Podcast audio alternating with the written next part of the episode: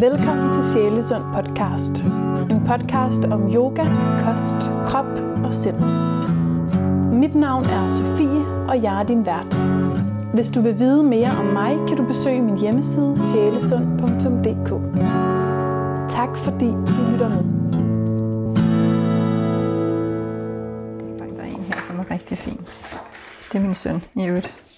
Hun er animeret. Min søn har Downs Ah, syndrom, så han har virkelig inspireret mig. Altså det er ham. Ja, det er Ej, ham. hvor fint. Ja, og det er min datter faktisk. Hun har tegnet dem efter. Altså, jeg sendte jo billeder og fotos af børnene, så hun kunne tegne efter dem. Ikke? Så jeg har kæft, det meget arbejde. Men den her er så sød. Hokus pokus og parat. Find din yogaknap og start. Yogatimen er i gang. Ryggen hviler stærk og lang. Nik til alle, der er med. Send et venligt smil afsted. Øh, den kan jeg i hvert fald godt lide. Øh, og den her er også sød. Vi er mange små ballonger, fyldt med farver og fasonger. Træk nu vejret helt i bund. Pust ballonen stor og rund. Den er også sød, ikke?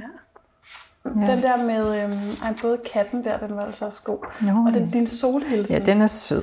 den ja. er virkelig sød. Det er sådan en klassiker, ikke, som vi også laver på yogauddannelsen. Men den Hvorfor? tænker jeg, at jeg ja. kan lægge op, fordi Ja. den er bare så fin. Den er rigtig god. Ja. Den er virkelig fin. Og en god sekvens også, fordi man hopper, så den er ikke så svær. Nej. Så den kan vi, og så kan jeg jo altid godt lide løven, ikke? ja, fordi den anden bog, den her bog, du lige har læst op af, Ja. ja. det er, De er det er sekvenser.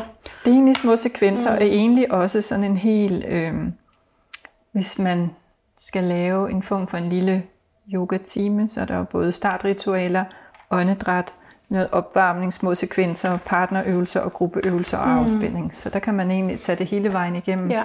og egentlig uden at have nogen forudsætninger for at vide, hvad man gør. Så det var sådan, det var lagt op til, og egentlig var tanken, at det skulle være til skolebørn, Mm. og egentlig dybest set små yoga-puster og mind breaks. Mm. Så det var min intention med den. Men altså, for, hvad hedder det, redaktøren ville også gerne have, at den skulle appellere til før skolebørn ikke? Og, og daginstitutionsområdet, fordi det er dem, der ligesom køber rigtig meget, og de elsker rim og ramser. ja. Hvor indskoling, de bruger også rim og ramser, men jo ældre børnene bliver, det gider de ikke. Altså, så. Så alderskolen her. Altså, den kan spænde fra, jeg vil sige, du kan bruge nogle af tingene til fire år, men ellers er det egentlig fra 5-6 år, og så op til 11 år. Mm. Og egentlig måske også mere, ikke? så kan man bare lade være med at læse ramserne op, fordi selve sekvenserne er rigtig fine til børn, der også er 12-13 år. det kan man sagtens lave, og så heller ikke ældre, Nej. vil jeg sige. Hvad mindre man så sætter det i en anden kontekst. Det her er jo typisk noget, man vil lave til partner-yoga, ikke? Mm. også for teens. Så, så, og den her, den er typisk til førskolebørn, Ja. helt klart. Og din anden bog, ja, den er Lyt til Ja, løven. den det er fra to år. øh, Okay, det er Ja, helt ned fra to Ja, år. det er det faktisk. Og det er mere enkeltstillinger. Det er enkelte stillinger, mm. hvor man laver det sammen med sit lille barn, og så står der nogle fif og tips. Så det er helt klart øh, til de yngre. Ja. Og jeg vil sige, ja, der er nogen, der har købt det til dåbsgave også, ved jeg. Ikke? Men to idé. år op til 6 år, 7 år max. Så, så er det ikke sjovt mere. Altså, så er det kun for at få idéer, ikke? ja. Ja, så det er egentlig sådan. Mm. Og så ville jeg jo gerne have lavet en træer, men det... Øh, Det er, hvad det kommer. Måske en, en uh, teen træer. Ja, teentræ. Mm. Mm. Ja, det kunne faktisk være. Det er bare svært at lave med rim og ramser til teens, for det gider de simpelthen ikke. Mm, så skulle det være Altså. måske lidt mere sådan noget sejt med Ja. sange. Jamen, det er rigtigt. Emma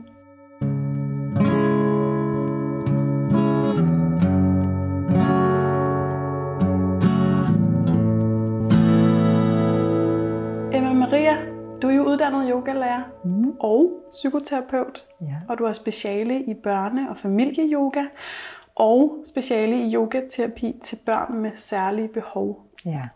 Øhm, så altså, man kan vist godt kalde dig sådan lidt af en pioner inden for børneyoga i Danmark. Og du er grundlægger af det her fine lille yogahus, øh, som det hedder, hvor vi sidder i dag. Mm. Øhm, og hvor du uddanner pædagoger og lærere og andre voksne, som er interesseret i at bruge yogaen som, øh, som pædagogisk redskab øhm, og bruge yogaen øh, i undervisningen. Så Emma Maria, vil du ikke fortælle lidt mere om dig selv, hvorfor du har kastet din kærlighed på netop børneyoga? Jo, øh, skal prøve at gøre en lang historie meget kort. Mm. Jamen, øh, mens jeg var i gang med min, min yogalæreruddannelse, så øh, havde jeg et lille barn, og forsøgte selvfølgelig at applikere de her øvelser til hende. Jeg ville så gerne have, at hun også skulle mærke og alle de goder, som yogaen havde. Jeg har lavet yoga, eller dyrket yoga i 30 år. Godt og vel. Og det var jo ikke lige til. Altså det er jo nemt nok at lave spædbørns yoga, hvor man sådan leger med, det gør man næsten naturligt. Men sådan, da hun blev ældre, og jeg så fik flere børn også, så det gad de jo ikke rigtigt. Og så øh, under min uddannelse, så læste jeg om noget børneyoga. Helt tilfældigt i en eller anden bog, og så undersøgte jeg det. Det viste sig, at man kunne komme til Sverige, og der var nogen, der faktisk lavede noget der. Og det viste sig så, at det var en, som var uddannet hos noget, der hed Yoga Kids i USA. Og det var en fantastisk øh, workshop, eller hvad hedder det, kursus, jeg var på. Så jeg fik rigtig meget blod på tanden og tænkte, det må jeg have noget mere af. Og heldigvis så skete der så det, at dem, der havde den her Yoga Kids uddannelse, de kom til Sverige.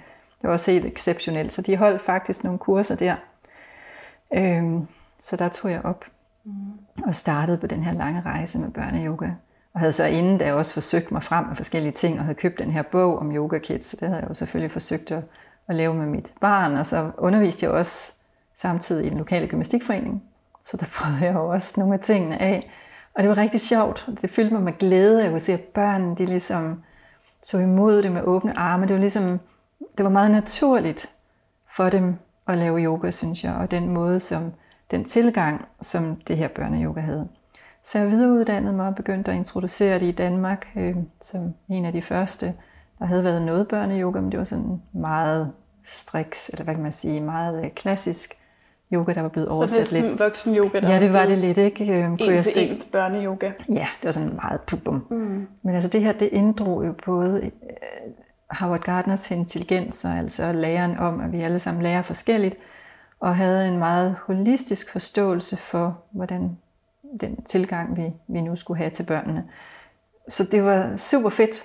Øh, også at man kunne lære børnene om, om naturen, om sig selv. Og det, der var fedt, var, at Yoga Kids var inspireret af Maria Montessori, som jo var pioner inden for, for sit felt omkring, hvordan man uddanner børn, eller hvad hedder det, lærer børn at lære. Og det var meget sansebaseret, så var hun inspireret af Howard Gardner og de her mange intelligenser, plus nogle andre dygtige professorer og lærere, som anskuede barnet fra et holistisk perspektiv. Og det tiltalte mig. Fordi som du nævnte, jeg har en terapeutisk baggrund, flere forskellige, også øh, kropsterapeut og, og behandler. Så det har altid ligget mig dybt på sinde at have den der terapeutiske tilgang til børnene, for at de kan blive hele og finde hjem. De er jo hele, men det glemmer man lidt, når man vokser op. Så er der så mange obstruktioner. Men i hvert fald, øh, Tanken bag børneyoga var at se hele barnet og støtte barnets nysgerrighed og inspirere dem til selv at ville lære og motivere dem. Og også i forhold til den verden, de lever i, så det ikke bare var klassiske yogaøvelser, men at man inddrog viden og fakta fra naturen, og også fra børns verden, det vil sige, det var en lejende tilgang, i hvert fald til de yngste, og når de så bliver skolebørn, så er det mere en lærende tilgang, hvor de skal begynde at lære om sig selv, om kroppen for alvor, om yoga, øh, og ligesom få det perspektiv på os. Så alle de her, kan man sige, læringselementer, som man inddrager, er jo med til at gøre, barnet synes, det er sjovt. Man er også med til at gøre, at barnet bliver mere nysgerrig, og så støtter man op om de her forskellige måder at lære på, og intelligenserne, så at sige, som jo egentlig bare er kundskaber. Alle børn er jo intelligente på hver deres måde, det er vi alle sammen. Men jeg synes, det var super fedt. Så jeg uddannede mig, det var en lang, lang uddannelse. Øh, noget af det online, og noget af det med at flyve frem og tilbage fra USA. Så jeg synes, jeg var ved at brække nakken lidt. Men øh, det var så fantastisk. Og jeg mødte jo mennesker fra hele verden, og hun var enormt inspirerende, hende der havde startet det, som hedder Marcia. Hun hedder Marcia Wennig. Desværre er hun så syg i dag. Hun har fået Alzheimer, så det er jo rigtig, rigtig... Okay. Men altså en spændende historie med Yoga Kids. Øh, fordi hun... Øh, hun var road manager for Manhattan Transfer, som er sådan, Hvad er det? det er et band, som jeg ved, min far han godt kunne lide dengang. Og hun var så med på, når de var på turné, og meget stresset, og mange, mange cigaretter om dagen. Og øh, som historien nu er, så mødte hun sin, sin meditationslærer Dawn i LA, Los Angeles, USA. De blev forelsket. Det gjorde de da. Det gjorde de simpelthen. Da, da, og hun blev stoppet med at ryge og blev yogalærer. Og Fandt fik, hjem. Ja, fandt hjem netop. Ja, de fik så børn, og hun ville gerne introducere børnene, ligesom jeg vil, øh, eller ville, til yoga. Og forsøge at øh, støtte dem og skabe, øh, hvad kan man sige, så en spire for veje vaner, fra de var børn. Og fandt jo så også ud af, at det var ikke så nemt. Og hun ville gerne have det ind i skolerne. Det har også været min mission hele tiden. Jeg tænkte, at vi må have det ind i skolerne og i sundhedssystemet. Fordi det virker. Der er rigtig meget evidens og research bag ved yoga og meditation. Men så var det, hun fandt ud af, at hvis vi skal have det ind i skolerne, så bliver jeg nødt til at tage udgangspunkt i noget, som skolerne anerkender. Og det var så Harvard Gardner på det tidspunkt. Som Harvard Gardner kan man sige er jo både kontroversiel, men han er også øh, en, som, som der er mange pædagogiske retninger, der ligesom har fundet noget inspiration i. Så det, øh, det, det var et godt træk, hun gjorde der.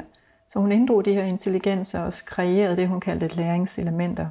Så hvis man laver en yogasession eller en time eller et pusterum, så tilsikrer man, at der kommer forskellige øh, læringselementer ind, og det kan være noget kreativt, det kan være noget omkring sprog, noget omkring rytme, noget omkring naturen, sådan som man piger og fodrer børnenes forskellige måder at være menneske på og forstå tingene. Okay, så det er simpelthen noget ham her, Howard Gardner, nu kender jeg ham ikke, Nej. Øh, men det er noget, han har udviklet de her fire Nej, han har faktisk talt om det, der hedder intelligenser, og der er, altså, nogen siger 7, nogen siger 8, nogen siger 9, nogen siger 10. Og det handler om, at børn kan lære på forskellige vis. Øh, matematisk, øh, sprogligt, interpersonelt, intrapersonelt, øh, naturalistisk. Så der er sådan nogle forskellige områder. For eksempel er der nogle, der er rigtig musikalske. Øh, han mener, at man kan stimulere alle områderne. Og, men også, at der er en præference hos forskellige børn for forskellige ting. Nogle har en naturlig tilgang til matematik, andre er bare øh, Mozart, øh, ikke? og så er der nogen, der er rigtig dygtige til sprog, øh, andre sprog, almindelige sprog, og nogen, der er gode til matematik, nogen, der er gode til rumlig sans. Så det inddrog hun i sin, kan man sige, yoga, børneyoga. Og hvordan, det, hvordan kan man inddrage læring i yoga? Jamen det kan man ved, at man skaber sig en intention for, eller sætter en intention for, hvad er det, jeg gerne vil med de her børn.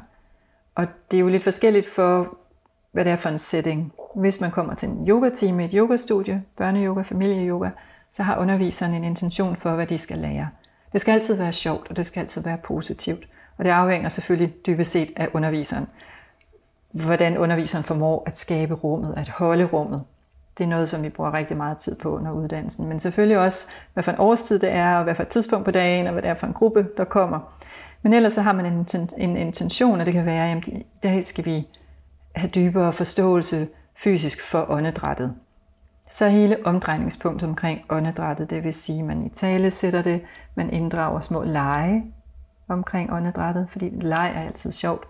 Man laver øvelser, åndedrætsøvelser, måske en lille historie, som passer til sådan så vi, kan man sige, her det handler jo om kroppen. Det er så et af de her læringselementer, det er kroppen, vi lærer om åndedrættet. Men åndedrættet øh, forbinder os også til andre. Så det kunne være, jamen, der er også et læringsperspektiv med det interpersonelle. Altså, hvordan vi hænger sammen med, med andre omkring os. Det er jo meget op i tiden, når vi taler om corona. Der skal vi jo passe på at trække for meget. Ja, der må vi helst ikke trække vejret. helst ikke, nej.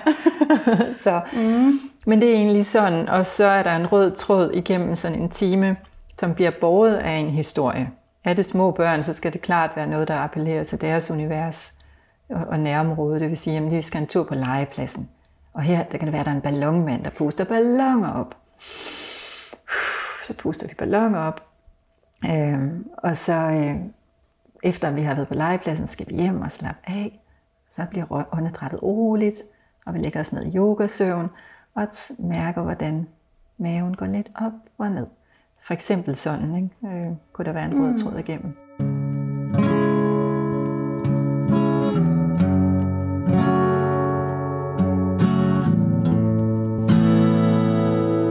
Nu er jeg bare lidt nysgerrig, fordi øhm, hvis man så er et barn, som er meget matematisk, hvordan kunne man så inddrage yoga? Øh, eller hvordan kunne man inddrage det i yoga-læring?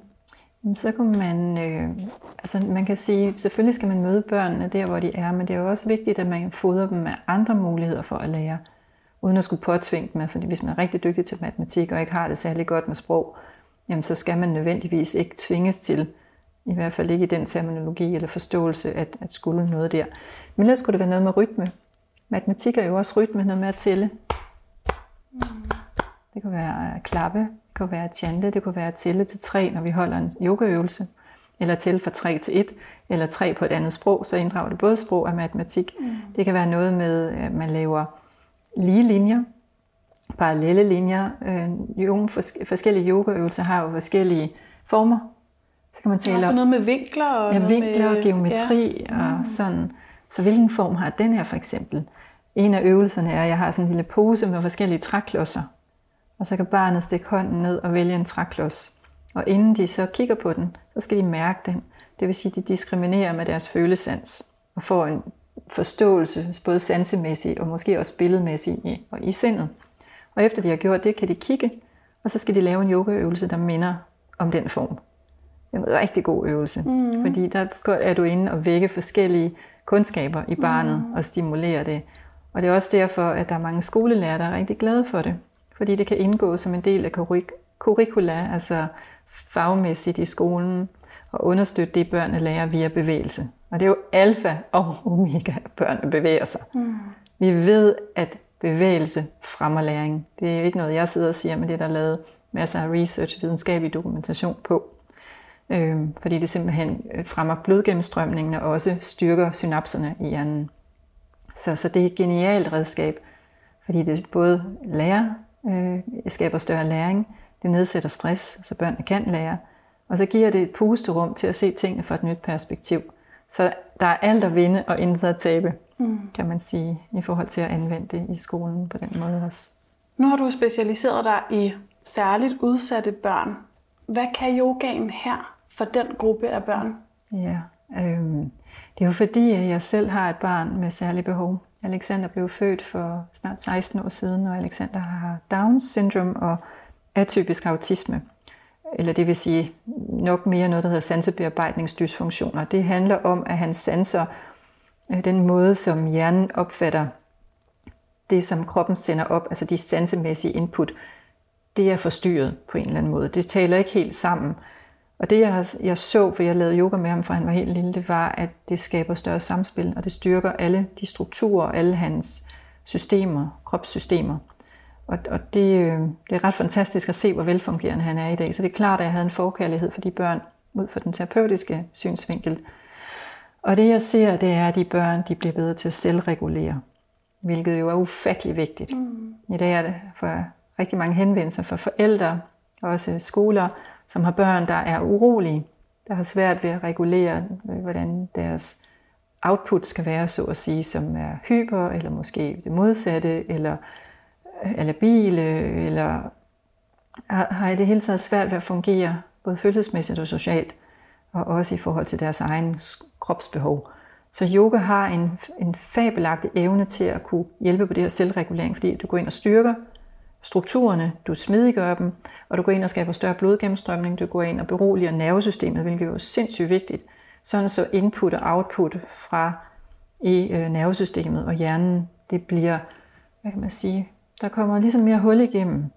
Det bliver styrket. Så det er en kæmpe, kæmpe ting. Men det er jo selvfølgelig ikke bare de fysiske øvelser, det er et samspil af åndedrætsøvelser, af afspænding, af meditation, og så chanter vi også øh, yogasang, kalder jeg det, hvor vi putter lyd på, fordi lyd det fremmer brugen af åndedrættet. Mm. Og det hjælper barnet med ligesom at kan man sige, få hul igennem til nogle andre ting. Man ved jo, at musik og læring hænger rigtig godt sammen. Øh, og det ved du også med, som, mm. når du, du laver musik. Mm.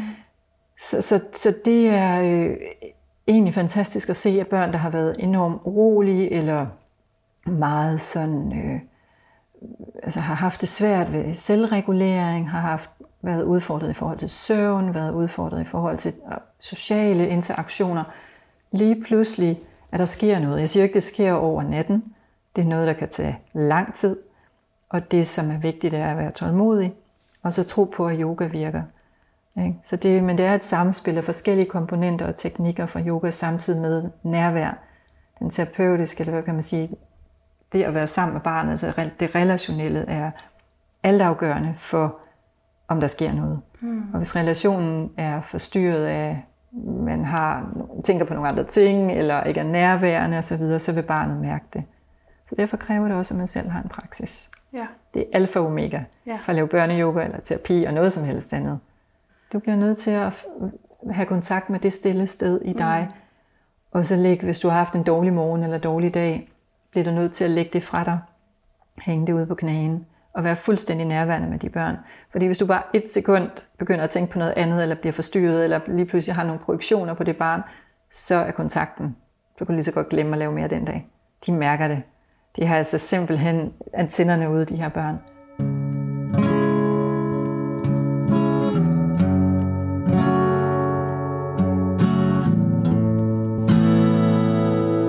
Min mor er øh, lærer for øh, også øh, børn med særlige behov, autister, ADHD, Asperger.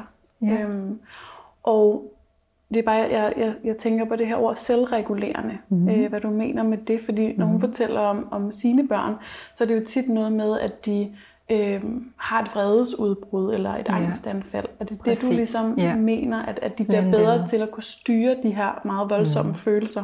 Jamen netop, og det handler jo om, at inden fra midthjernen, der skal vi gerne, øh, så det er jo herinde, vores overlevelsessystem sidder, og så har vi frontallapperne, og inden man begynder at for eksempel gøre noget upassende, eller noget, der måske gør andre ondt, eller kommer til at gøre skade på sig selv, så skal dine frontallapper gerne sige, hov, det der, det er nok ikke så smart.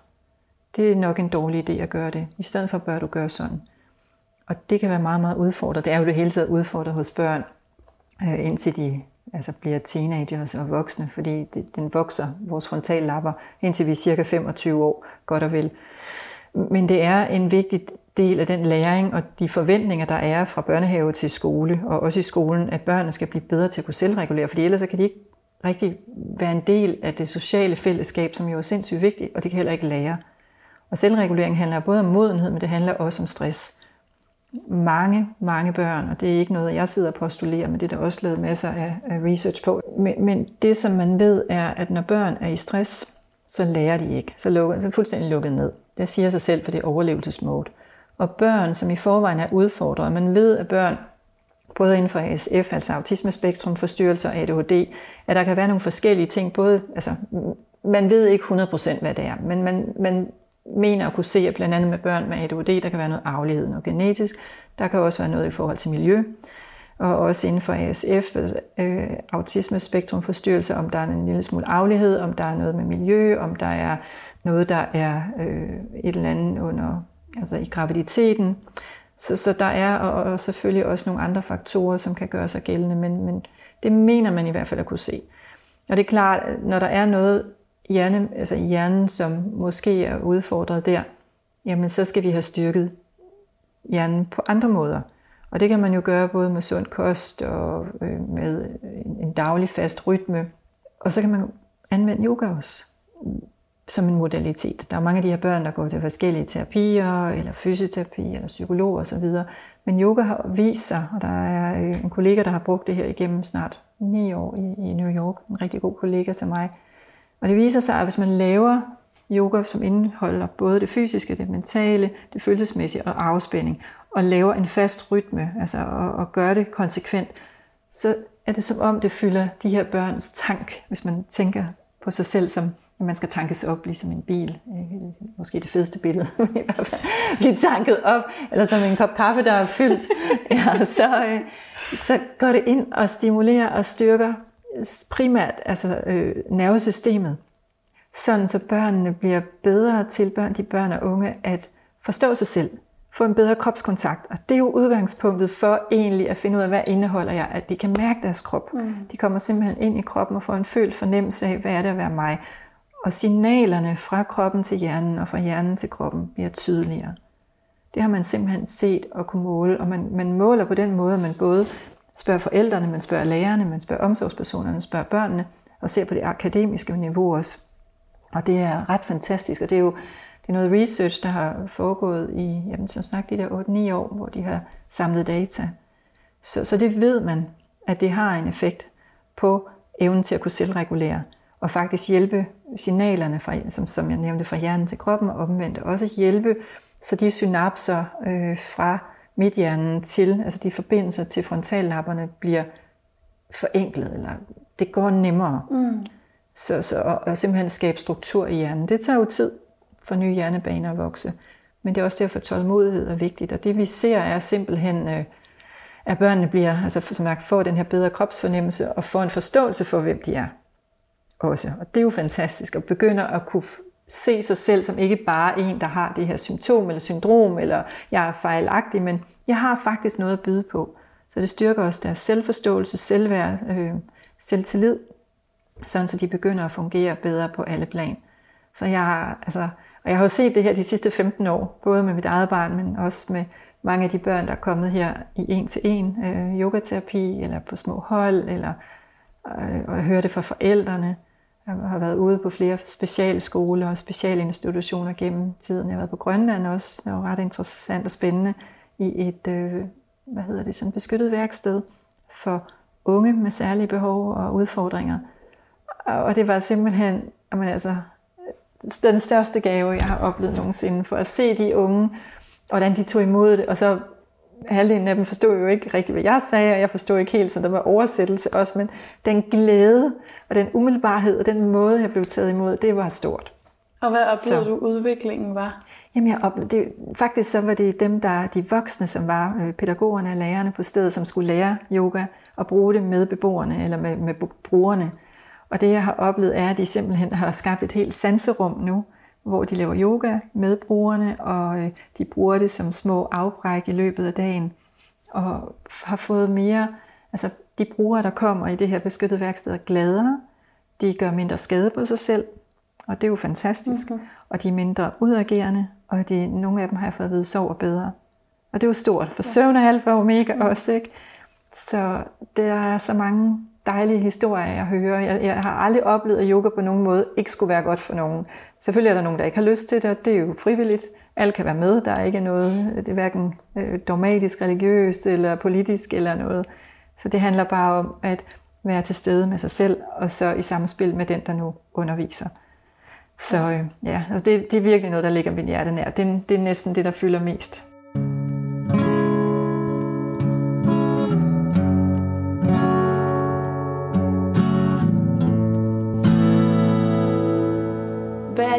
Erfaring i forhold til, hvor ofte børnene skal komme til yoga? Åh oh, ja. Før det virker? Ja. ja. Fordi det er jo... altså, mange voksne har jo kun tid til at komme til yoga en gang om ugen eller sådan noget. Ja, altså... Er det nok? Det er det jo egentlig ikke. Altså det er det samme som at børste tænder. Det gør vi jo hver dag. Det bliver vi jo opdraget til. Og yoga, altså det er jo super fint, at man kan gå til noget sammen med nogle andre, fordi det giver ligesom et boost. Og at lave det hjemme kan være rigtig udfordrende, fordi vi har altid så travlt. Det, som er så interessant, er, at vi har altid for travlt til at være sammen med os selv. Det er egentlig det, yoga handler om. At give sig selv den omsorg, den nærvær, den ro, øh, den stillhed. Det behøver ikke altid at være stille, men, men man kan sige, at vi laver yoga og de fysiske øvelser for at finde ro. For at få kroppen til at både være stærk og smidig, men også i ro. For at få tankerne til at slappe af og føle ro her, og også følelsesmæssigt for at skabe noget ro. Så, så jeg håber jo på, at yoga bliver en del af vores hverdag, og man behøver ikke at kalde det yoga, hvis man har et eller andet med ordet, eller tænker, der ligger noget i det, som, som ikke passer til ens liv. Så kan man kalde det bevægelse, mindfulness, meditation, nærvær, stillhed. Men det her med at tune ind til det stille sted i sig, eller bare med sig selv en gang om dagen, er rigtig essentielt. Og det behøver altså ikke at tage mere end 5 minutter. Yoga behøver ikke at være på en yogamåtte. Det kan være, når man sætter sig og skal spise, lukker øjnene 30 sekunder, så falder nervesystemet nemlig til ro, når man lukker øjnene. Og så kan man begynde at spise i stillhed til at starte med, og så dele hverdagen, sidde og spise og have det rart. Det er også yoga. Så det, som jeg gerne vil måske provokere lidt til, det er, at yoga er så mange ting, og vi kan få det ind i hverdagen, og der er ingen undskyldning. Mm. Det er der faktisk ikke. Så giver du også dine børn, som du underviser, hjemmeopgaver? Nej, jeg ser det egentlig ikke som opgaver. Eller, Eller ja, ja, okay, hjemme-yoga-opgave. Ja. Jamen, jeg, jeg fortæller dem, hvor de kan bruge det her. Mm. Og så spørger jeg dem altid, hvor tænker I, I kan anvende det her? Og hvad har I lyst til at øve jer i til næste gang? Eller hvad kan I bruge? Hvem kan I, I undervise? Så jeg lægger op til, at det bliver meget naturligt, uden at det bliver flere opgaver, som skal hives ned over hovedet på børn. For mm. børn i dag har så sindssygt travlt.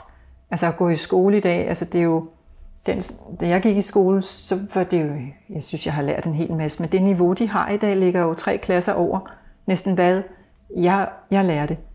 og, og de sidder jo nogle af børnene ved at brække nakken, fordi alting skal gå hurtigt også. Det foregår på computer, og vores hjerner har altså ikke udviklet sig til at kunne tænke og gøre hurtigere. Så i stedet for bliver vi bare stresset. Så det er faktisk en kæmpe udfordring, mm. vi har som samfund. Så jeg tænker, at yoga skal være et modspil til det. Det skal være noget, hvor man tænker, nu tager jeg lige fem minutter, når jeg kommer hjem og lægger mig ned med benene oppe, eller jeg sætter mig bare og mærker, hvordan kroppen trækker vejret, måske sammen med min mor og far, for det er ofte forældrene, der ligesom skal skabe rammerne. Børnene har svært ved selv altid at, at, at gøre det. Det sjove er, at hvis vi slukkede for alle digitale medier, så vil børn faktisk gøre meget selv på egen hånd. Enten sidde og falde i staver, gå ud i haven og grave jord eller klatre træer osv. Det gjorde man jo før i tiden. Legede med en papkasse, hvilket var det bedste legetøj. Men i dag er de jo underholdt hele tiden. 24-7, hvilket jo faktisk fratager os evnen til at kunne mærke dybt. Og det er lidt skræmmende. Det er ikke bare mig, der siger det, men det er der også lavet studier på og skrevet mange bøger om fra psykologer og andre. Men altså, jeg, jeg, jeg vil sige, hvis man skal have en effekt af noget, og særligt i forhold til yogaterapi eller børn inden for specialområde, gerne to gange om ugen minimum, hvor man kommer til yoga. Øh, og hvis det kan implementeres lidt også, for, hvis forældrene har overskud, og det handler jo meget om overskud, så derhjemme. Øh, og igen, fem minutter måske hver dag, hvad de kan overskue, og det er det, jeg som regel plejer at, at hjælpe forældrene med. Man kan henvende sig, og så lægger vi en plan sammen, hvad har I overskud, hvad har I ressourcer, hvad er det, I kan gøre som minimum, uden at det skal blive en stor byrde. Og så måske noget, man kan gøre sammen med barnet, så man ikke skal være terapeut for sit barn. Fordi i forvejen, især hvis man har børn med særlige behov, så er man bare på. Det er som nogle gange at have tre børn på en gang, mm. og man skal også forholde sig til specialskoler, kommuner og alle mulige andre paragrafer og søge om dit og datten, så det er vigtigt for mig, at forældrene også er fri ja. øh, i den sammenhæng. Men jeg vil sige gerne, i hvert fald eller minimum en gang om ugen, hvis det endelig er, at man ikke har mere tid. Ja. Men gerne to gange, og så vores håb er jo så i specialskolerne få det ind, så de laver yoga hver dag.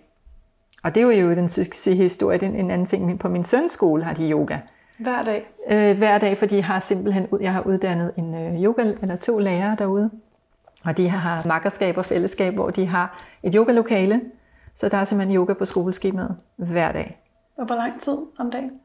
Wow, det er vist lidt forskelligt. Ja. De har øh, rigtig mange klasser, mm. så hver dag, men de er, den ene tror jeg efterhånden er blevet allokeret næsten 80% til at lave det her, hvis ikke 100%. Og det er jo fantastisk. fantastisk. Det har de gjort i ikke, fem år. Så. Og, og har du hørt, hvor lang tid har du stået på, og har du så hørt noget om, hvordan ja, det så ja, har ja. ændret sig? Jamen, de, børnene elsker det, mm. og lærerne er meget glade for det, og nu har de også fået mindfulness derude på skolen. Og man kan mærke det på børnene? Man kan mærke det simpelthen. De spørger om det, og børn, der er urolige, de falder til ro og bliver bedre igen til, som sagt, at selvregulere, hvilket jo er et rigtig stort term inden for det terapeutiske område, øh, når man arbejder med børn, at det er, at de kan selvregulere.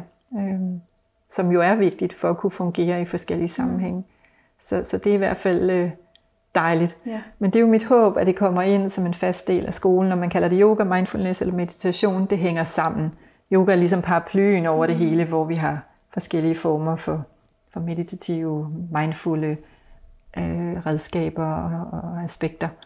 Øh, mindfulness er så lidt det samme, men på en anden måde, fordi de har deres egne signaturøvelser. Mm. Men det er bare så vigtigt at, at få en anden tilgang til læring og væren. Vi gør så meget human beings, burde vi være, ikke? men vi er human doings. Så, så det er mit håb i hvert fald, at det bliver en stor del af kulturen på skoler, institutioner og også i, i sundhedsvæsenet. Ja. Øhm, og i øvrigt i forhold til sundhedsvæsenet, eller hvad kan man sige, kommunerne, så er der nogle kommuner, som nu bevilliger, at børn inden for specialområdet kan komme til yoga, fordi der er ikke andre aktiviteter, de kan lave, og de kan ikke være sammen med andre. Så det er jo fantastisk. Det har jeg arbejdet for i mange, mange år. Og også nogle, der hjemmetræner, de har mulighed for at kunne ansøge om yoga som en modalitet i forhold til hjemmetræning. Tillykke med det. Ja. Oh. Og nu nævnte du selv det her med altså, vores moderne tid og øh, forekomsten af stress. Tror du, det er derfor også, at børneyoga øh, bliver mere og mere populært? Altså begynder at vinde frem i yogaverdenen? Ja, og det, det har jo taget lidt tid. Jeg kan huske, da jeg startede med børneyoga, så var der ikke særlig meget opbakning eller tilslutning, og folk synes det var lidt underligt. Det var også meget amerikaniseret, skal jeg sige, fordi jeg tog jo mm. øh, det, jeg havde lært, og, og forsøgte at implementere det i Danmark med deres fremgangsmåde.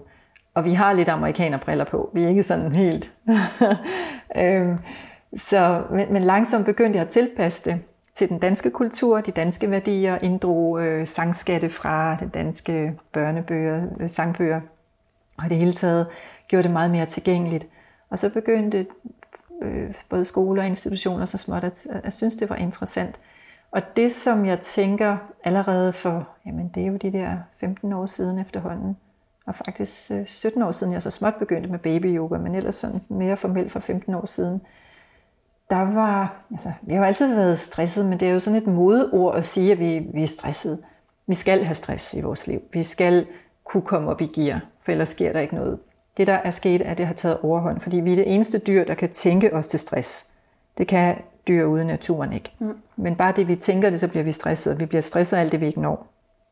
Os. Og så sætter kroppen i gang med alle de her forskellige, hvad det nu sender ud af kemikalier, eller hvad hedder det, øh, øh, hormoner i kroppen, mm. kortisol og adrenalin osv. Og, og, og udfordringen er, at vi kan holde det stressniveau rigtig længe, øh, og det går tid før kortisol er ude af kroppen igen, og det kan gøre skade på hjernen, så det er noget skidt, når det bliver så øh, kronisk. Men det korte og det lange er, at jeg tænker, at i starten var der mange forældre, der gerne ville have, at deres børn skulle gå til yoga, fordi de selv gik til yoga. Og de ville, forældrene havde selv oplevet, hvad det gjorde, og jeg har hørt fra mange, jamen, at, at forældre de har været gået ned med stress, eller de havde en travl hverdag. Og når de kom til yoga, var det som om, at de ah, lige kunne trække vejret igen og fandt hjem. Og ville selvfølgelig også gerne give det videre til sine børn for at styrke dem. Så, så det, har været, det har jeg hørt tilbage øh, for, for de der mange, mange år siden. Men jeg tror, det er endnu mere tydeligt i dag. I en verden, der er i så rivende forandringer, hvor vi faktisk ikke rigtig ved, om vi kommer ud på den anden side, hvilket jo er enormt skræmmende. Så det jeg også ser, er, at der er rigtig mange børn, der har angst. Rigtig meget angst. De har øh, og begynder at få depressioner. Øh, børn, der ikke har lyst til at være her mere, har jeg også hørt. Altså, der er mange flere, der ringer til børnetelefonen. Og når du også. ser rivende forandring, så tænker du klima? Ja, mm. klima. Ikke? Altså, fordi man kan sige, altså et er, at vi nu er i den her coronatid. Jamen, det er jo kun toppen af isbjerget.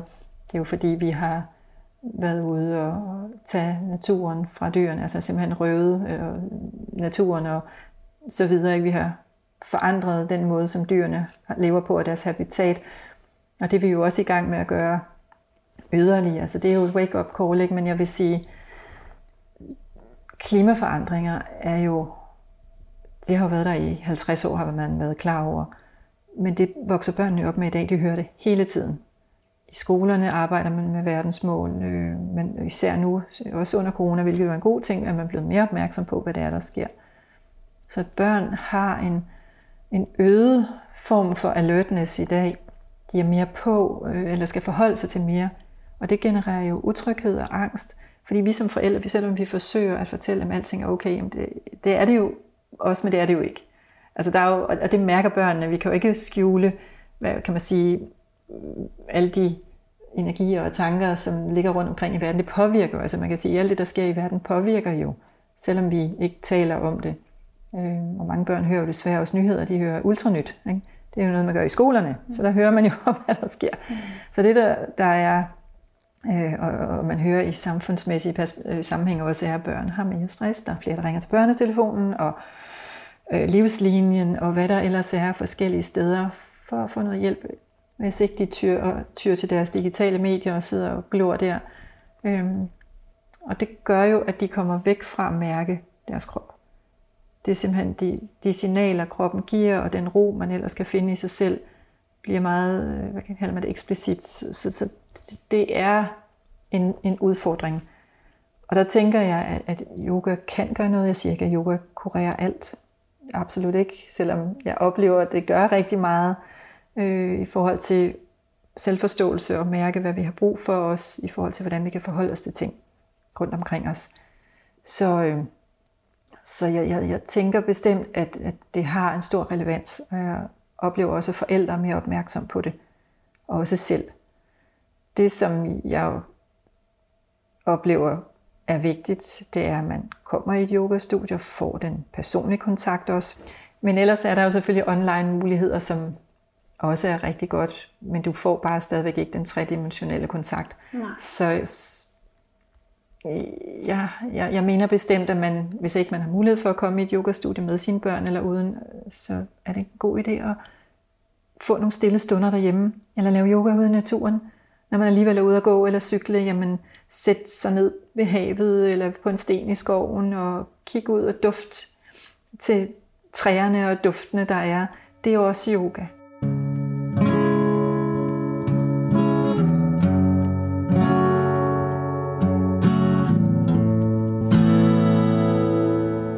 Og hvis vi skal definere, hvad yoga er for dem, der sidder og tænker, hvad er yoga så for noget? Yoga betyder bare forening. Mm. Og det er en forening af en selv, øh, kan man sige, med noget, der er større. Det er en forening af en selv med en anden person og ude i naturen, og en forening med noget, altså hele verden. Så det betyder egentlig at være forbundet, altså forening. Og, og hvad betyder så det? Jamen det betyder, at man har en forståelse for, at man ikke bare er sin krop, men man er meget mere, og man har et sted i sig, som altid er konstant, som altid er ægte, som altid er værdifuldt, så man ikke behøver at være nervøs for, at man ikke er god nok, og man ikke kan gøre de her ting godt nok osv. Men man har en fast værenskerne, en forståelse for, hvem man er, og at man er en del af en større helhed. Det er egentlig det. Og det er jo også det, man vil opleve som barn, når man så kommer i en yogaklasse, hvor mm. der er andre børn, man Netop. deler et fællesskab uden forventningspres, ja. uden digitale devices, Præcis. uden bekymringer om klimaforandringer, ja. uden travle forældre, der måske ja. også sidder med deres. uh, man kan sige, at der er jo mange ting, som det rum kan give, ikke? som jo, vores jo. moderne verden faktisk øh, lidt mangler. Jamen, det er svært at finde i hverdagen, ikke? fordi der er så pres på, at børnene altså skal lære i takt med den skolereformen, som vi jo nu ved, at det har ikke været, altså det sagde de jo allerede dengang, men vi ved, at det har ikke stået til måls med, hvad man, ens intentioner var. Altså børn har, øh, trives ikke med den. Det er jo lavet den nye skolemåling øh, her. Så, øh, og, og de her fristeder, for som du siger, hvis ikke man sidder med sin smartphone, hvilket jo efterhånden alle har, det er jo også det mål, de har, øh, alle de her Apple og så videre, Huawei og hvad det ellers mm. nu er, at alle skal have telefoner. Det står i deres hensigtserklæring, hvis man kigger på den. Ja, det er sådan lidt... Hvis man har gjort det. Ja, spooky. Jamen det har man, for jeg er sådan meget, jeg diskuterer altid, når jeg ringer. Ja, jeg er sådan meget, jeg engagerer mig i mange ting, og jeg går meget op i øh, at børn, at vi skal have det godt alle sammen, og begynde at vågne op. Men, men det korte og det lange er, at det rum, som læreren kan skabe, og bare det yogaen ligesom kan holde, det er, hvis man skal sammenligne det med nok det tryggeste sted i verden, nemlig inde i mors mave. Altså, jeg ved ikke, om det er direkte sammenlignet, men man skal tænke på, at det skal være et sted, hvor du føler dig så tryg, at du begynder at, at slippe alle dine, øh, hvad kan man sige, øh, altså give slip på alt det, der ligesom fylder, alt det, som øh, man forestiller sig, man er, så man egentlig bare mærker sig selv i samspil med andre, uden forventninger, og man ved, man er god nok, og man ikke kan gøre noget forkert. Så man kan gå derfra og føle og opleve, at man er lavet op, og har fået genskabt kontakten til det stille sted i sig, hvor alle svarene er. Mm. Vi har jo alle svar selv. Men det er så svært at få tid til at mulighed for at lytte.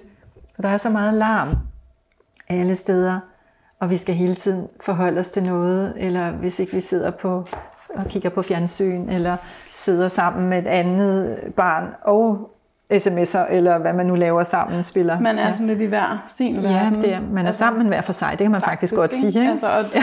du tog vi den her coronasætning, ikke, som jo på jo. en eller anden måde også passer på vores passer digitale faktisk. verden, hvilket er ret uhyggeligt. Det er det nu kommer jeg bare ja. til at tænke på, nu sidder jeg her og bladrer i din bog, øhm, fordi du snakker om det her med, du, det du snakker om er faktisk også selvaffirmationer. Ja, øhm, absolut. Og der havde du også bare en rigtig, rigtig sød ramse, Ja, for man kan jo narre hjernen til at tro på, den tror jo på hvad som helst, man bilder den ind. ja. Ikke? Og positive affirmationer, altså bekræftelser, det ved man, det går ind og ændrer biokemien øh, hurtigt, og kan faktisk hjælpe til, at man får en anden selvforståelse. Ja, den, der. den er så fin. Vil du læse den? Det kan du tro. Det er en, øh, nogle ramser i vores bog, der hedder Hokus Pokus Fili Yoga, som jeg har skrevet sammen med Lotte Selling. Det har været en fantastisk oplevelse øh, og meget, meget spændende samarbejde. Men fingeryoga handler om, at man sidder og skiftevis samler tommelfinger og pegefinger, så tommelfinger og øh, langemand, ringfinger og lillefinger. Og så kan man sige, jeg er rolig, jeg er sej, jeg er modig, ligesom dig. Og så skiftevis, så flytter man fingrene på begge hænder, øh, sådan så de rører hinanden. Eller fingrene på hver hånd, og de skiftevis rører ved hinanden. Det er sådan der. Og så er der en, der hedder, jeg er stærk, og jeg har mod. Ligesom træet slår jeg rod. Og dem kan man så gentage. Og det, der sker, når man bruger fingrene samtidig, det er, at det øh, styrker de her centre i hjernen, øh, som, hvad hedder det, øh, hvor man kan sige, at man kan skabe et positivt mindset. Og det er super vigtigt, for hjernen har det med at tænke negativt. Faktisk øh, primært negativt, og det er jo overlevelses, kan man sige, mode. Det er ikke så hensigtsmæssigt i hverdagen, fordi vi er jo ikke truet af sabeltiger og hvad der ellers er. Men det er stadigvæk sådan, den er gearet. Så man, kan, man bliver nødt til at arbejde lidt for at få skabt et mere positivt mindset, og så at hjernen hurtigere eller nemmere og oftere komme over i den del, eller det netværk. Der er forskellige netværk i hjernen, og det her det er et af dem. Så, så det er noget, man skal arbejde på. Og ellers så tænker man stort set de samme tanker, som man gjorde dagen før, og de fleste er negative, siges det. Så de her små positive affirmationer kan være med til at ændre. Og jeg gjorde det faktisk selv, da jeg var barn, mm. eller ung. Jeg var meget sortseende som teenager. Det tror jeg, der måske er nogle teenagers, der kan genkende lidt i nyerne men jeg var rigtig sortseende. Jeg havde det ikke særlig godt. Så jeg øh, stiftede bekendtskab med Louise L. Hay, som desværre er gået, øh, hun er desværre ikke med os mere i dag, eller mere her i, i, i livet. Men hun blev nogle 70, og hun helbredte sig selv med positive bekræftelser. Så jeg købte hendes kassettebånd. Det var dengang, man havde kassettebånd og kassettebåndoptager. Og så blev det så senere til en CD, sådan en walk, hvad hedder Discman, som ja, det, er helt det kan jeg godt huske. altså, det, kan, det havde jeg også. Oh, ja, ja, jeg går også der tilbage. ja. Så simpelthen, når, mens jeg var ude og gå ture, eller jeg løb meget, så, så lyttede jeg til det her, og simpelthen hjernevaskede nærmest mig selv med alle de her positive affirmationer. Og det hjalp. Det virkede. Jeg begyndte faktisk at ændre mit udsyn og min måde at være på, og fandt mere glæde. Og det er jo det, man kan måle på, om yoga faktisk virker. Det er den her spontane glæde, der er der oftere. Ikke lykke. Lykke er sådan et, et, et begreb, vi, vi har i hjernen, som jo aldrig rigtig, man aldrig rigtig kan holde fast i. Men glæden, det er noget, øh, siger min yogalærer det, øh, at, at hvis du oplever glæde oftere, så er det et godt barometer for, om yoga virker. Og det mærkede jeg. Så jeg kan virkelig anbefale at, at bruge de her. Jeg siger ikke, at det virker fra den ene dag til den anden, men man skal jo også tro på det. Og hjernen tror på det. Og så grin. Altså masser ja. af latter ved man også, hvis man er lidt sortseende og også har hang til depression. Så det at grine, hvis man kan, eller græde faktisk. Det hænger meget sammen, eller de to centre. Og det kan yoga også gøre, i børneyoga griner vi meget. Ja, fordi, fordi jeg, jeg tænker også, at, at vi voksne kan lære meget af børneyoga, fordi uh, det jeg ligesom oplever, ja. når jeg, da jeg så i dine bøger, øhm, der, der smilte jeg jo bare helt naturligt, fordi der er alle de her ramser og skønne billeder selvfølgelig, men jeg laver også mærke til, at i børneyoga, der leger man det jo frem. Ja. Og det gør vi ikke så meget i voksenyoga. Nej, jeg har prøvet, kan jeg huske nogle gange, at implementere noget, noget lejende i voksen yoga. Der Men bliver, det er altid mm, lidt sådan, at øh, nu er jeg også selv ja, yogalærer, ja, jeg synes ja, altid, når man, ja. når man ligesom lægger lidt op til leg, så ja. det er altid en lidt blandet fornemmelse. Jamen det er rigtigt. Nogle synes, at det er okay, og så er der andre, der sådan, og hvis de så ikke er forberedt på det heller. Jeg kan huske en gang, jeg var til en voksen yoga team, og så lige pludselig siger læreren, nu skal vi lave partner yoga. Og der var fuldstændig stille. Det var der bare overhovedet ikke nogen, der havde lyst til fordi de var kommet for at være på deres yogamånde. Men der er jo, det er jo det, der er så fedt med børn, fordi det er lejende. Ikke at det er leg for underholdningens skyld, for det er det langt fra, der er leg med mål og mening, men, men også når det der spontane så opstår i det lejende samspil. Det er så fedt. Og det er egentlig derfor, jeg er rigtig, rigtig glad for at være sammen med børn, og synes, at børneyoga er fedt, fordi jeg får lov til at lege. Og når man leger også, så finder man nye muligheder, og genfinder kan man sige, det der sådan naivistiske, det der uskyldige, det nysgerrige, mm. som jo er så vigtigt. Præcis. Og, og hele tiden være nysgerrig og, og åben over for nye ting, og også det kreative. Jeg får sindssygt mange idéer, når jeg laver yoga med børn, om alt muligt, og ikke bare af børneyoga, men også hvordan jeg ellers skal gøre ting i mit liv, og hvis jeg har en udfordring eller et problem med noget, så det så er det som om, bum, ja, så løser det sig, fordi man leger. Det er jo egentlig lige der, hvor man slipper den her meget konforme, sådan, øh, venstre hjernehalvdels tænkning, og lige pludselig finder mulighed, eller ser muligheder i en ny kontekst. Så det er super, super fedt.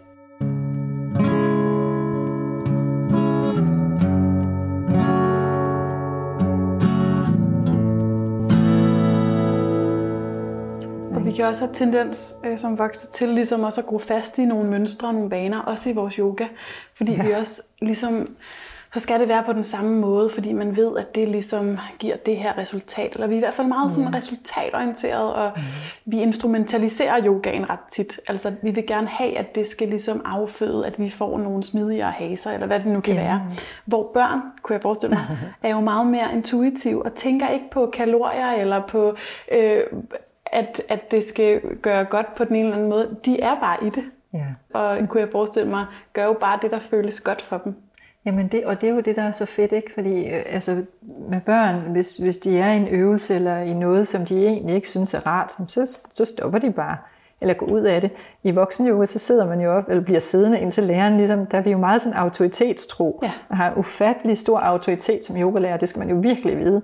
Ikke? Hvor man tænker, nå, men hvorfor altså, bliver de stående? Jamen det gør de. Det gør børn ikke bare. Og de har jo den der umiddelbarhed og bedre stadigvæk til at at mærke, hvad der er godt for dem. Og det, det er jo egentlig det, som yoga handler om, det er at mærke, hvad er det, der er godt for mig i dag? Hvad er det, jeg har brug for, for at fungere, for at være i balance med mig selv, med hinanden, med verden? Øh, så, så vi har meget at lære af børneyoga, og det som jeg jo faktisk ser, jeg ved ikke om, nogle gange så tænker jeg, om det er super godt, andre gange tænker jeg, ups, det er lidt ærgerligt, at det skal komme fra børnene, men de går jo hjem og øh, lærer deres forældre, hvad det er, de lærer. Jeg kan huske, at jeg havde et, øh, et barn, som, som gik hjem, og simpelthen, fordi mor og far var altid, de havde så travlt. Nej, nu, nu skal I altid blive her, jeg skal vise jer noget. Og så begyndte dem at lære, lære dem øh, en øvelse, der hedder tage fem, hvor man skal indånde, mens man tæller til fem på den ene hånd, og så udånde, mens man tæller ned fra fem til 1. Og så brugte han begge hænder, hvor de så skulle trække vejret. Så siger han så bagefter, var det ikke rart? Og moren kom og fortalte mig det her, og jeg ved, der er mange, der, der har ikke. Ja, siger han, sådan og sådan. Og vi skal jo også til at blive bedre til at, at, at tage det roligt. Og den dreng gik jo så hjem og lærte, fordi han oplevede, at der ikke var nærvær nok, mm. at ikke få opmærksomhed. Fordi mor og far altid sad bag en skærm. Og det er jo egentlig ikke bare enkeltstående tilfælde, det er jo mere efterhånden reglen end undtagelsen. Øh, jeg kan ikke heller ikke sige mig fra for, for det, fordi det er jo der, alting foregår. Og især i den her tid endnu mere, ikke? hvor man er meget digital. Altså vi taler jo sammen via de her. Så, øh, så jeg synes, det er guld værd, at børn stadigvæk kan genfinde lejen. Og det er sindssygt vigtigt, så de ikke glemmer det. Fordi der er mange ting, der går i glemmebogen i dag. Ikke skrift, bare skrive for eksempel. Mm. Børn skriver ikke lige så meget, fordi vi sidder og alle lektier laves jo på og taster, det giver nogle helt andre udfordringer rent øh, fysiologisk og ja. altså i kroppen, ikke? Og, og livsstilssygdomme og spændinger og hvad ved jeg. Så jeg, jeg synes, børneyoga har så meget at, at give, og jeg har øh, for mange, mange år siden, da jeg startede familieyoga op, det var simpelthen min højdepunkt. Jeg elskede familieyoga. Jeg havde en hel familie, der kom til yoga, og det var højdepunktet på deres uge. Og faren han havde, havde udfordringer med sit hjerte, og, og det var ligesom der, hvor han kom og, og fandt ro og var sammen med familien, og de brugte derhjemme, og det, det var en fryd at se og høre. Så det blev deres højdepunkt, og samtidig med, at de så inddrog det derhjemme som en del af deres livsstil og hverdag. Så, men de kom for at lege og være sammen og nærvær, og jeg synes, det har så stor potentiale, altså en kæmpe synergi mm. i en yoga-team. Ja. Øh, og også når familien er med. Det er virkelig nogle timer, som jeg advokerer for familie-yoga. Ja. Og jeg ser også heldigvis, at der er flere og flere, der kommer til familieyoga. I starten, da jeg startede med familieyoga, så var det ofte forældrene, der kom og afleverede børnene, så de kunne komme ud og handle eller drikke kaffe. Og det er jo, ja, yeah.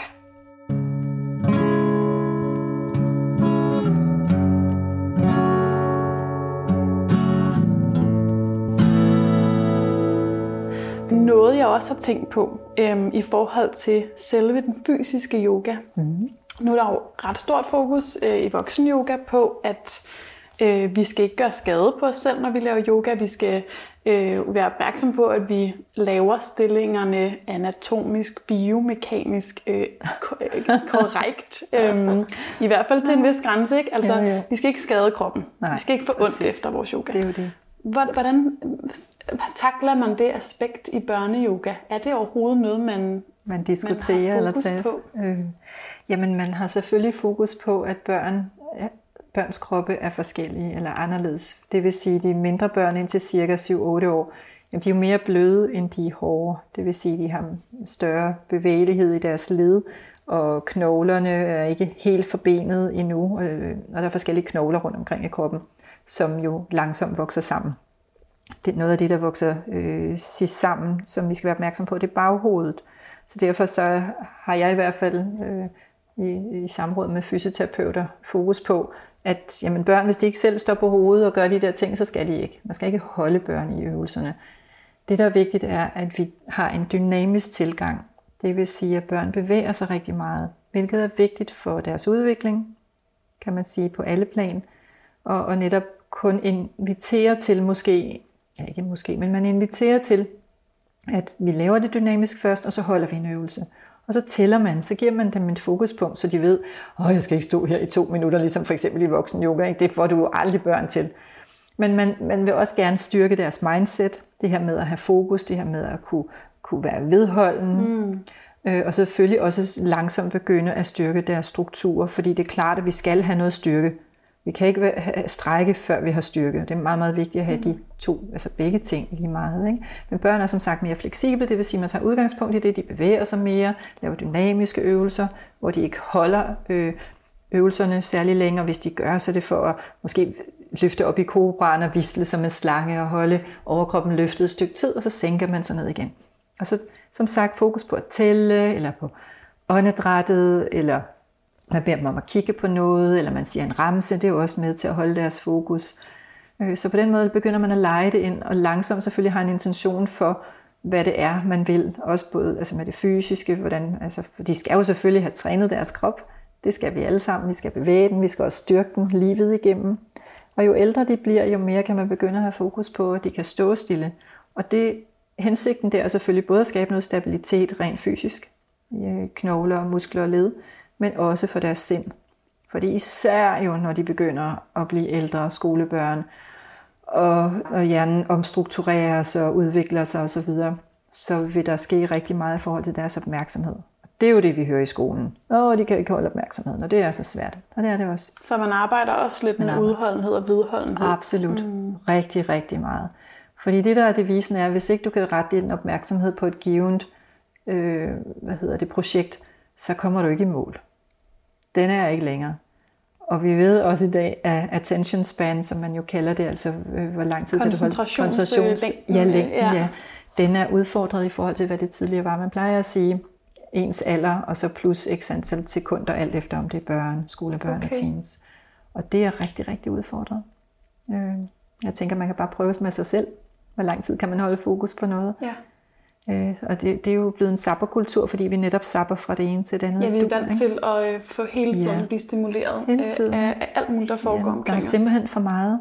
Så vi skal, monotasking er ekstremt vigtigt. Det er også det, vi forsøger at integrere i vores yoga.